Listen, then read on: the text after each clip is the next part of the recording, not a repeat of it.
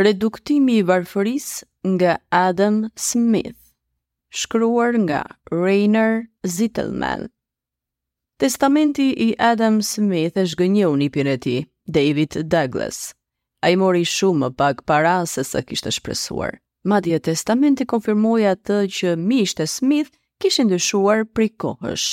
Ekonomisti i skocez që kishte fituar gjithmonë të ardhura mbi mesataren, ua kishte dhuruar thuajse të gjithë pasurinë e tij të varfërve dhe kishte bërë këtë kryesisht në fshehtësi. Smith, që u pagëzua në gjashtëmbëdhjetë qershor një mijë e shtatëqind e njëzet e tre, njihet më së shumti si kampion i kapitalizmit. Megjithatë, ai nuk ishte i imunizuar nga inatet e intelektualëve ndaj të pasurve.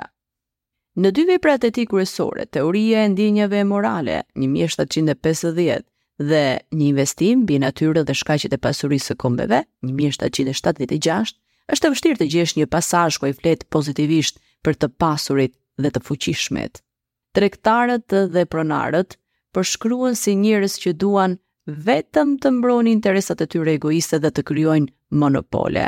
Lëvdata më të qarta për kapitalistët do t'i gjeni më shumë tek Manifestimi Komunist i Marksit sesa në veprat e Smith. Shumë pasazhe shfaqin simpati për gjendjen e të varfërve me të cilën ai nuk nënkuptonte vetëm ata që jetonin në varfëri, por edhe jo të pasurit, pra shumicën e popullsisë, që duhet të shkëmbejnë punën e tyre me pagat për të fituar jetesën. Simpatia, sot do ta quajmë empati, ishte shtylla qendrore e filozofisë morale të Smith. Dhe simpatia e tij ishte mbi të gjitha për të varfrit që punonin. Ja një pasazh i famshëm nga libri Pasuria e kombeve.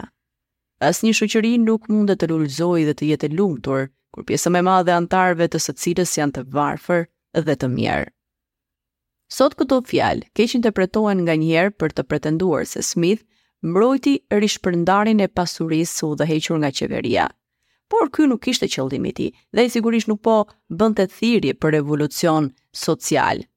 Varfëria, sipas Smith, nuk ishte e paracaktuar dhe mbi të gjitha ai nuk i besonte qeverisë. Ai thekson se vetëm rritja ekonomike mundet ta rrisë standardin e jetës Rritja e vazhdueshme ekonomike është e vetmja mënyrë për të rritur pagat dhe një ekonomi, një stagnacion çon në rënien e pagave. Diku tjetër ai shkruan se zitë e bukës janë rezultatet e kontrolleve të çmimeve nga ana e qeverisë.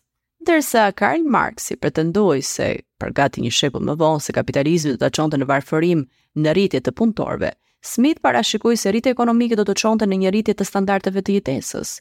E kur botua pasuria e kombeve, kapitalizmi ishte në fillimet e veta.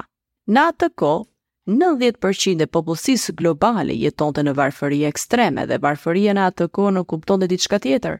Vlerësohet se rreth 20 për qind e banorëve të Anglisë dhe Francës nuk ishin në gjendje të punonin fare për shkak të kequshqyerjes. E shumëta, ata kishin mjaftueshëm energji për disa orë ecje të ngadaltë në ditë, gjë që dënoi shumicën e tyre të bënin një jetë lypsish. Smith kishte të drejtë mbi efektet e rritjes ekonomike dhe këtë e kanë konfirmuar edhe dekadat e fundit. Vitet e fundit rënia e varfërisë është përshpejtuar me një ritëm të pakrahasueshëm me asnjë periudhë të mëparshme të historisë njerëzore.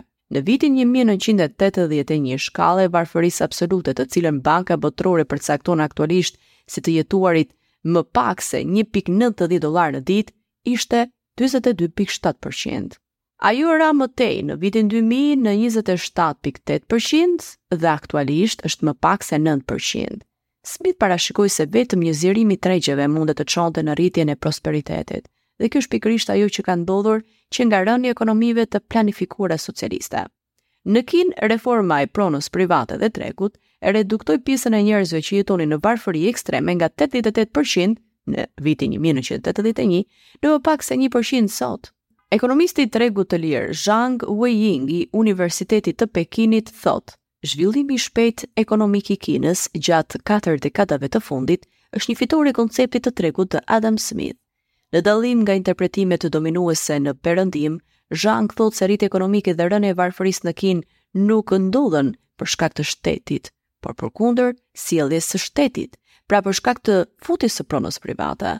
Plani i Smith për t'i nxjerrë njerëzit nga varfëria nuk përfshinte zhdukjen e pronës private apo rishpërndarjen nga shteti. Ai nuk mbrojti ndonjë utopi libertariane. Ai besonte se qeveritë luanin një rol të rëndësishëm.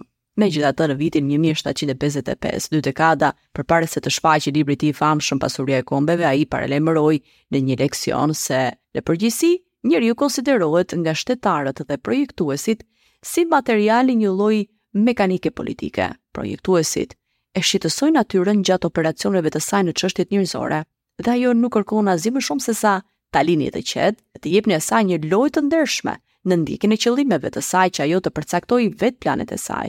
Të gjitha qeveritë që e pengojnë këtë rrjedhë natyrore që i detyrojnë gjërat të futen në një kanal tjetër apo që përpiqen të ndalojnë përparimin e shoqërisë në një pikë të caktuar, janë të panatyrshme dhe për të mbështetur veten janë të detyruar të jenë shtypës dhe tiranë.